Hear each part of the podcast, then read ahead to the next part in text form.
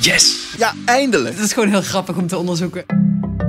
Zei die dat? Dat is echt heel raar. Ja, dat klinkt geweldig, maar kun je het ook aantonen? Dit is Speurwerk. Wij brengen je de hoogtepunten van Investico's nieuwste publicaties en laten zien hoe journalisten te werk gaan. Ik ben Simone Peek. En ik ben Sylvana van den Braak. Deze aflevering gaat over. mensenhaar.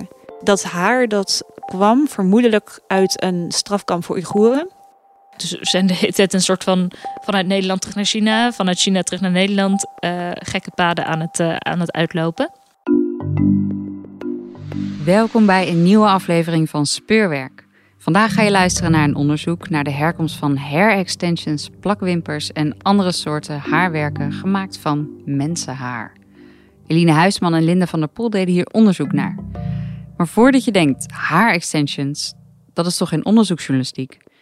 Eh, dit is geen verhaal over beauty en wie de mooiste lokken heeft, maar een verhaal over slavernij en het leed achter deze business.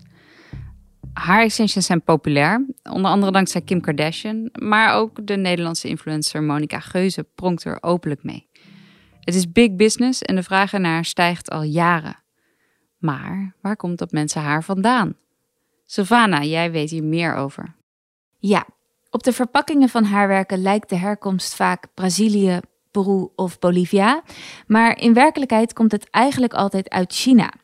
China is wereldwijd de grootste leverancier van mensenhaar. Handelaars reizen daar over het arme platteland, waar jonge meiden hun staart afstaan om hun gezin te kunnen onderhouden. En hoeveel geld gaat er dan in om? Ehm, veel. China exporteert ieder jaar rond de 1 miljard dollar aan haarwerken van echt mensenhaar. En dat bedrag halen ze niet alleen op met vrijwillig afgestaan haar van plattelandsmeisjes. Laten we gaan luisteren naar Linda. Zij neemt ons mee naar het eerste moment dat we een inkijkje kregen in waar deze haarwerken precies vandaan komen. Dit begon te rollen in eh, mei en juni van dit jaar, toen de Amerikaanse douane twee partijen met haar onderschepte. Haar dat vanuit China was gekomen naar Amerika en dat verwerkt was tot haarwerken, dus tot pruiken, extensions. Er zijn twee partijen onderschept. De ene partij dat was synthetisch haar, dus gemaakt van niet-menselijk materiaal. En één partij was mensenhaar. Dat haar dat kwam vermoedelijk uit een strafkamp voor Oeigoeren. China heeft sinds een paar jaar heel erg veel Oeigoeren. Dat is een Turkse minderheidsgroep in het land. Achter slot en grendel gezet. Geïnterneerd eigenlijk. En die mensen die worden heropgevoed. Zo noemt de communistische partij dat. Ze hebben zich te veel vastgehouden aan hun, eigen islamitische waarden, zegt de Chinese regering. Maar zij moeten nu echt verschineest worden. Dus die mensen die worden naar heropvoedingskampen gestuurd en daar moeten ze ook dwangarbeid verrichten. En dat haar dat in Amerika terecht komt, dat kwam vermoedelijk uit zo'n kamp. En dat haar was mogelijk ook afgestaan door die mensen zelf. En ze hadden daar vervolgens dan zelf haarwerken van gemaakt. Sinds 2013 richtte Peking honderden concentratiekampen op. Met als doel de Oeigoeren in de volgens hen opstandige regio Xinjiang herop te voeden. In de afgelopen jaren verschijnt de ene na de andere fabriek in de regio. De gevangenen uit de kampen worden daar te werk gesteld. Xinjiang is een autonome republiek in het uh, westen van China. En daar woont van oorsprong, echt al uh, honderden jaren lang, wonen daar de Oeigoeren. 75% van de inwoners daar was uh, etnisch Oeigoer. Dat wordt nu steeds minder, omdat Oeigoeren zelf die worden in die heropvoedingskampen gestopt, zeg ik het maar even. die worden daar een paar jaar lang heropgevoed en vervolgens als ze daar klaar mee zijn, dus wanneer hun opvoeding is voltooid, dan worden zij heel vaak naar fabrieken in de rest van het land ook gestuurd. Officieel, zodat ze aan hun economische positie kunnen werken. Maar feitelijk natuurlijk om hen meer te laten mixen met de Han-Chinezen. 这段时间，在洛浦县发制品产业园各条生产线正开足马力完成一批海外订单。 Je luistert naar een filmpje van de staatsmedia in Hotan, een regio in Xinjiang. We zijn in een fabriek voor haarwerken. 车或者钱在一天能走到八百五十、九百左右。 Vroeger maakte ik er 100 op een dag. Nu ik getraind ben, kan ik er wel 850 tot 900 maken, vertelt een jonge medewerker trots, terwijl hij een stapel zwart haar in kleine plukjes met een elastiekje bijeenbindt.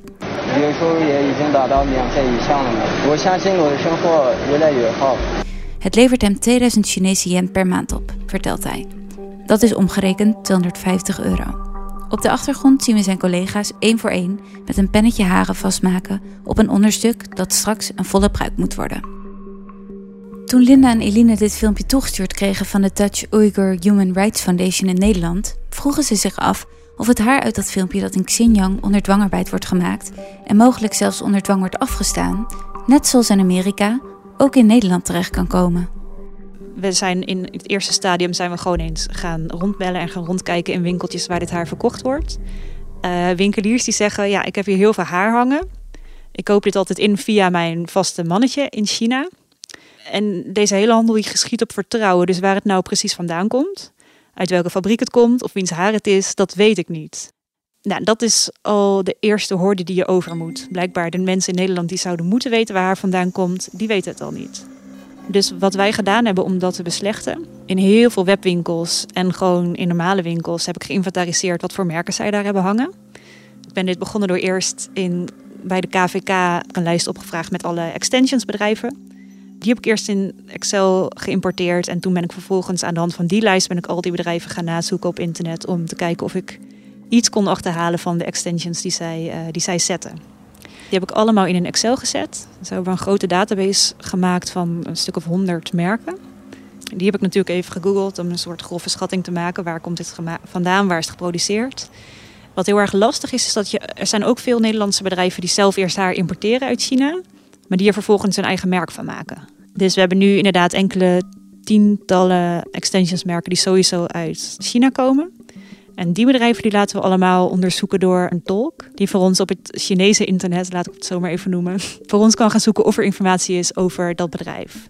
Binnen China zelf zijn die kampen, die kampen waar Oeigoeren in worden opgesloten, zijn behoorlijk geaccepteerd.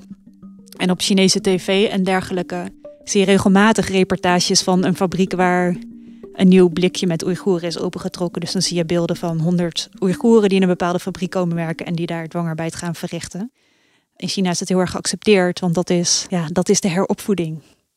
Dus op het Chinese internet kun je best wel wat vinden. Elina en ik hebben zelf ook op fora, ja, laat ik het even handelaars noemen, gevonden die Oeigoeren aanboden om te komen werken bij jou in de fabriek. Dus die informatie is er allemaal wel. Maar voor ons niet zo makkelijk toegankelijk. Nee, allereerst niet omdat Elina en ik geen, geen Chinees kunnen, geen Mandarijn. En ten tweede omdat het Chinese internet ook wel een uh, gebruiksaanwijzing heeft.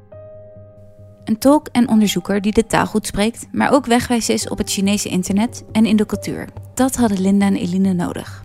Via een tussenpersoon die zelf ook in China heeft gewoond en onderzoek heeft gedaan, komen ze terecht bij een tolk en onderzoeker. Maar er moeten wel afspraken worden gemaakt. De vertaler liet eigenlijk meteen al weten: ik vind het een belangrijk onderwerp. Ik kan hiermee mijn portfolio uitbreiden. Maar ik wil absoluut niet genoemd worden, op wat voor manier dan ook. Want ik probeer gewoon zo weinig mogelijk sporen achter te laten. We weten van Oeigoerse organisaties in Nederland op het moment dat je je uitspreekt, dat de kans best groot is, of eigenlijk bijna gegarandeerd, dat als je familie hebt in China, dat die daar vooral consequenties ondervinden. We hoorden van Oeigoerse onderzoekers ook dat het soms gebeurt dat als je websites raadpleegt voor onderzoek, dat ze enkele seconden later al niet meer bereikbaar of beschikbaar zijn online. Dus dat er heel goed gecontroleerd wordt op dat wat er over China naar buiten wordt gebracht. Dat is ook wel bekend dat Oeigoerse organisaties en personen hier in Nederland ook gevolgd worden door de Chinese autoriteiten. Uh, op het moment dat jij kritisch bent naar China, is de kans gewoon niet zo heel groot dat jij het land nog vrolijk inkomt. Er wordt dan ook heel voorzichtig via beveiligde kanalen samengewerkt. En er wordt ook zo min mogelijk persoonlijke informatie gedeeld.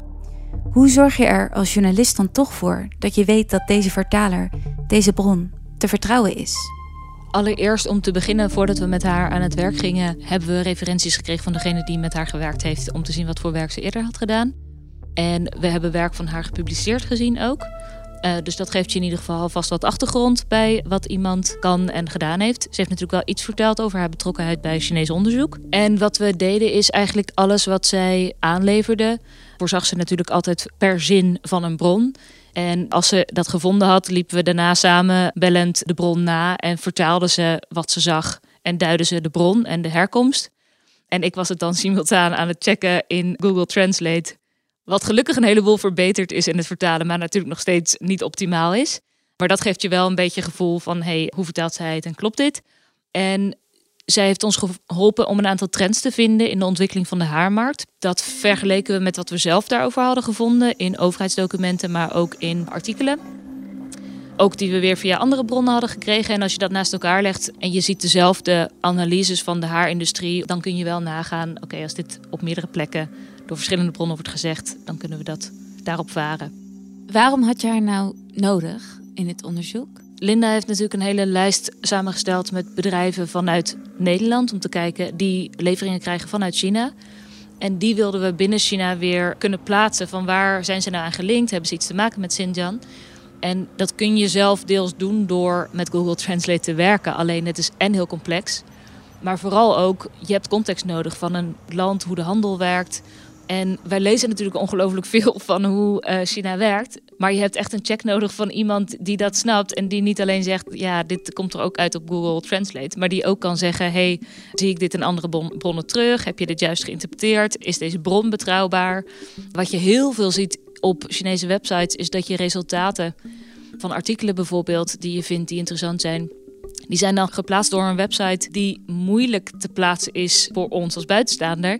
Als je in Nederland naar een website gaat of nou, iets in een taal die je machtig bent en een cultuur ook die je goed kent, dan kun je op basis van wat je op een website ziet, aan de hand van de lettertypes, het type foto's, de manier waarop iets is opgebouwd, hoe professioneel eruit ziet, kun je best wel veel zeggen over nou ja, een eerste indruk van hoe betrouwbaar een bron is. Alleen als je dat doet voor Chinese websites, die wij niet iedere dag bekijken, dan is je referentiekader van hé, hey, wat zie ik hier in eerste oogopslag? Je hebt eigenlijk nog niet zoveel referentiekader. Dus ik denk dat het daarmee ook gewoon heel handig is voor een eerste indruk, dat iemand je een beetje wegwijs kan maken. En die eerste indruk klopte. De samenwerking leverde een boel op. Ondanks dat onderzoek doen op een locatie zoals Xinjiang onmogelijk lijkt, blijkt er veel te vinden op het Chinese web. Elina en Linda ontdekten samen met hun vertaler een berichtje in de Chinese staatsmedia over een haarfabrikant die mensenhaar uit Xinjiang aan Nederland levert. Er kwam een bedrijf op het spoor, dat heet Emeda, een Chinese haarfabrikant. En dat bedrijf zette open en bloot op haar website dat het ook haar sourced, dus het product haar haalde uit Xinjiang. Van dat bedrijf konden wij via data die we via Alibaba verkregen zien dat het Chinese bedrijf ook partijen haar geleverd heeft aan Nederland. Via Alibaba kun je zien hoeveel er is geëxporteerd vanuit van die fabrikant naar het land Nederland. Maar je kunt vervolgens niet zien waar in Nederland het terecht komt. Maar wij konden wel zien dat het uh, meerdere grote partijen waren. En met grote partijen bedoel ik partijen waar tenminste 1000 dollar voor betaald werd. Vervolgens hebben we natuurlijk ook gekeken op de website van Emeda, waarop destijds ook dat haar uit Xinjiang openlijk aangeprezen werd. Inmiddels zijn die berichten weg van de website en nu staan praktisch dezelfde haarbundels. De foto's lijken er heel erg op. Die staan er nog steeds op, maar nu met de tekst Russian, Remy Hair. Op het Chinese web zochten de journalisten samen met een tolk niet alleen naar bedrijven, maar ook naar trends in de Chinese haarmarkt. Zo kwamen ze berichten tegen over de ontwikkeling van een nieuwe haarproductiehub in Xinjiang. Zoals bijvoorbeeld een 2 miljoen pruiken per jaar project, waarbij de verwachting een jaarlijkse winst van 9 miljoen yuan is. De uitbreiding van haarfabrikanten in Xinjiang lijkt gelijk te lopen met de vestiging van nieuwe detentiecentra voor Oeigoeren. De fabrieken profiteren namelijk van de goedkope arbeid die via de kampen wordt aangeboden. De Chinese overheid noemt het een armoedeproject en doet er alles aan om bedrijven naar de regio te trekken. De Chinese overheid voert sinds een paar jaar een, een campagne. Xinjiang Eat heet dat. Die campagne die houdt in dat de Chinese overheid bedrijven uit met name Oost-China, de rijke delen van China, probeert aan te moedigen om zichzelf te verplaatsen, of althans deels te verplaatsen naar Xinjiang. En dat gaat dan vooral om ongeschoold fabriekswerk. Echt zware fabrieksbanen zijn dat. En in ruil daarvoor krijgen die bedrijven vaak belastingvoordeel, subsidie om lokale mensen aan te nemen. Dus er zijn voor die bedrijven zijn er heel erg veel incentives om naar Xinjiang te gaan. Tegelijkertijd, door het te presenteren als Xinjiang Aid, heb je als Chinees bedrijf ook het gevoel dat je aan iets goeds bijdraagt, aan iets moois voor je, voor je land en voor die regio om daar naartoe te trekken. Via de zelf aangelegde database van Linda zoeken zij samen met de vertaler hoeveel van de bedrijven die zich in Xinjiang vestigen haar bedrijven zijn. Op die manier vonden we bijna 50 bedrijven. En die bedrijven die waren bijna allemaal de afgelopen paar jaar uh, gevestigd in Xinjiang. De oudste kwam uit 2012. Ruim 20 bedrijven volgens mij, die zijn allemaal dit jaar in 2020 zijn ze daar opgericht. Wat we vooral zien bij de fabrieken in Xinjiang is dat die eigenlijk In een derde van de gevallen konden we dit verifiëren. Werd zo'n fabriek opgericht door iemand of met iemand die al in het oosten van het land een haarfabriek had. Dus die is dan bijvoorbeeld bij beide aandeelhouder of bij beide directeur. Zo constateerden wij dat er heel erg veel links waren tussen die bedrijven in Xinjiang en in Oost-China. Er is bijvoorbeeld Suchang Haoyuan in Xinjiang. Dat werd opgericht in 2012. Dus dat is het alleroudste haarbedrijf dat wij in de regio gevonden hebben. En net bij de oprichting daarvan was dat bedrijf letterlijk qua naam een, een branche van een hele grote speler in uh, in een stad in het oosten. Dat bedrijf in Xinjiang dat heeft in 2017 en 2018 behoorlijk veel geëxporteerd naar Amerika, naar bedrijven daar. Maar het is daar in 2018 mee gestopt, lijkt het. Diezelfde bedrijven die krijgen nog steeds haar aangevoerd vanuit dat gerelateerde bedrijf in Suchang. En dat bedrijf uit Suchang dat levert aan een aantal grote Amerikaanse uh, haarmerken. En die grote Amerikaanse haarmerken die worden vervolgens ook weer in Nederland verkocht. Dat zou kunnen betekenen dat het bedrijf in Xinjiang haar heeft geleverd aan het bedrijf in Suchang. Die Suchang dan vervolgens weer heeft geëxporteerd naar Amerika. Waar die producten in Amerika weer in Nederland terecht zijn gekomen. Een hele lange keten. Een hele lange keten. Maar tientallen bedrijven in Xinjiang blijken toch niet los te zien van de haarindustrie op andere plekken in het land. En de vestigingen in Xinjiang blijken zich vaak in de buurt van een strafkamp te bevinden. Recent is er een rapport verschenen van een eh, NGO uit Australië, ASPI, dat aan de hand van satellietbeelden met name heeft geïnventariseerd waar in China allemaal concentratie- of heropvoedingskampen. Wij hebben een lijst aangelegd met bijna 50 haarfabrieken in Xinjiang. En zo goed en kwaad als dat ging, hebben wij die adressen, die hebben wij inderdaad over dezelfde map gelegd in Google Earth. En op die manier konden wij zien dat veel van die haarfabrieken toch wel echt in de buurt zitten van zo'n kamp. Wij hebben een aantal bedrijven in Nederland via verschillende manieren kunnen linken aan Xinjiang. Alleen dat zijn enkele bedrijven.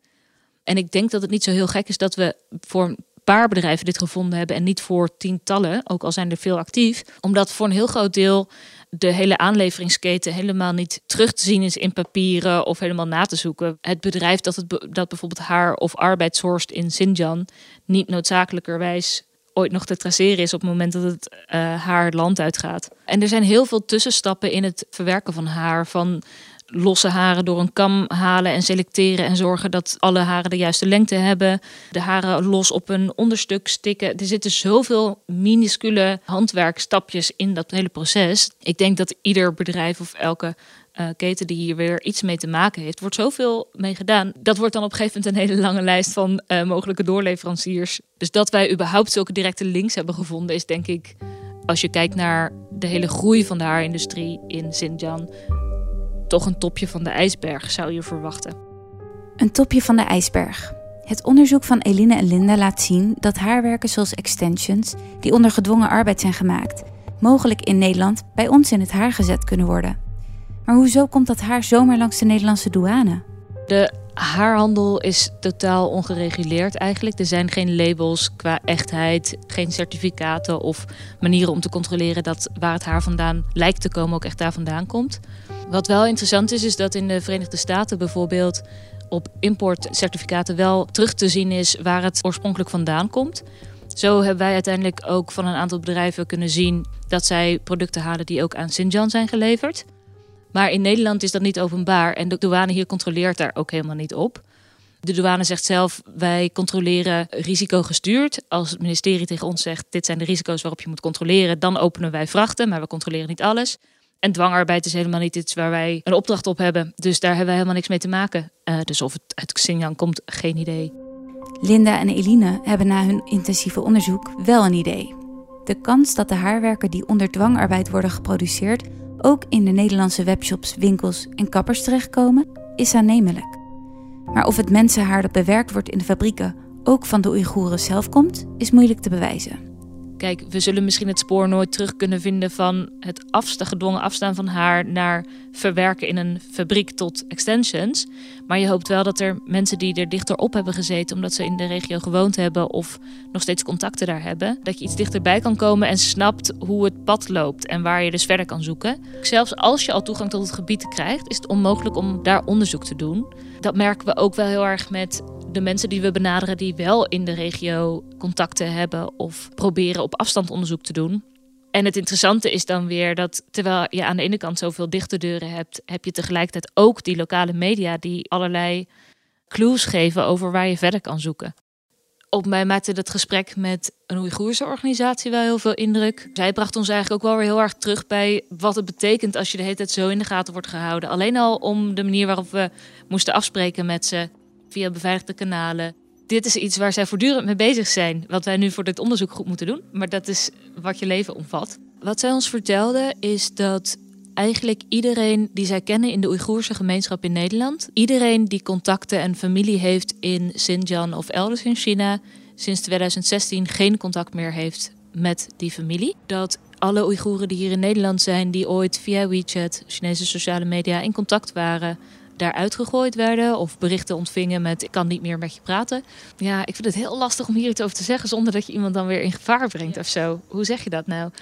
Naast dat de meeste Oeigoeren hier in Nederland dus eigenlijk geen idee hebben waar hun familie bijvoorbeeld is, omdat ze er geen contact meer mee hebben, is het ook lastig dat als je de informatie deelt die ze wel hebben over waar iemand mogelijk wel of niet is, is ook informatie. En omdat we weten dat er zoveel reactie is vanuit de Chinese autoriteiten op het moment dat uh, Oeigoerse organisaties of personen zich uitspreken, omdat dat zo bekend is, wil je heel voorzichtig zijn met ook maar iets aan details weggeven over of iemand nog banden heeft in China dan wel Xinjiang. Naar buiten treden over de interneringskampen in Xinjiang gebeurt dus zelden. De consequenties zijn groot, te groot. De getuigenissen zijn schaars, maar trekken door merg en been.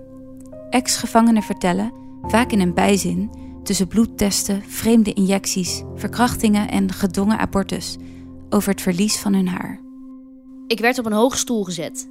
Mijn handen en voeten werden vastgeklikt. Mijn hoofd werd kaal geschoren. Ze knipten ons haar af, maakten ons kaal. Alles was weg. Niets meer. Ik had lang haar. We waren alle geboeid, geketend en werden vaak geroepen voor ondervragingen. Het schreeuwen, smeken en het huilen gaan nog steeds door mijn hoofd. Ze knipten ons haar af nadat ze door de tralies van onze cel hadden getrokken. We waren allemaal geboeid, geketend en we werden vaak ondervraagd.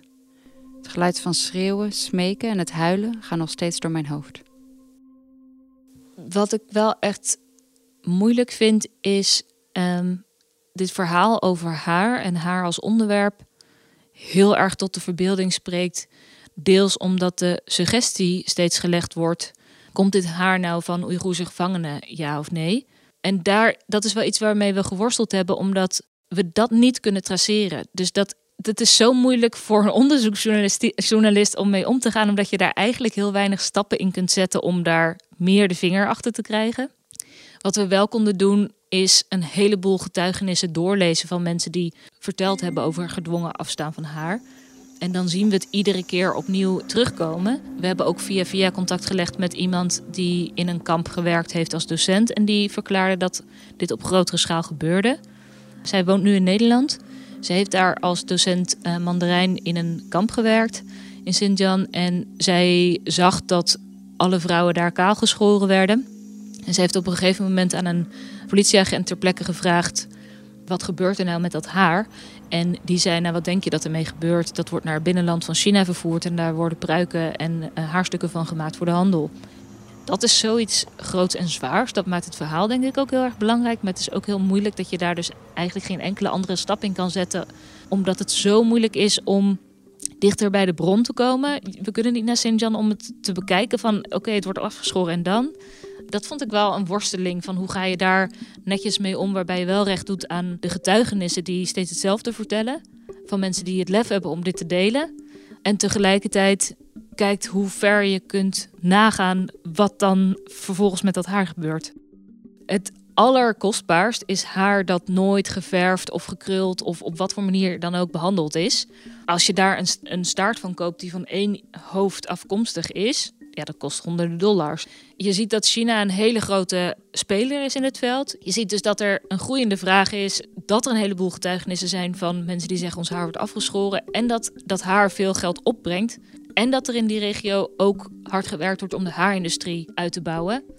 Ja, kijk, voor ons was het zo, als je dat bij elkaar optelt, is het bijna niet voor te stellen dat dat haar dus gewoon weggegooid wordt. In India is het echt zo dat vrouwen hun de haren uit hun kam verzamelen en opsparen en als er het genoeg is om dat door te verkopen. Ik weet niet of het waar is, maar dat is wel een verhaal wat je veel hoort. En je hoort ook allerlei andere verhalen van losse haren verzamelen. Kijk, als dat dingen zijn die mensen doen om geld te verdienen met hun haar, is een bos die je in één keer af kan knippen. Nou ja, bijna zonde om weg te gooien, zou je zeggen. De groeiende vraag naar hair extensions maakt het nog urgenter om dit verhaal, dit onderzoek, aan het licht te brengen bij een groot publiek.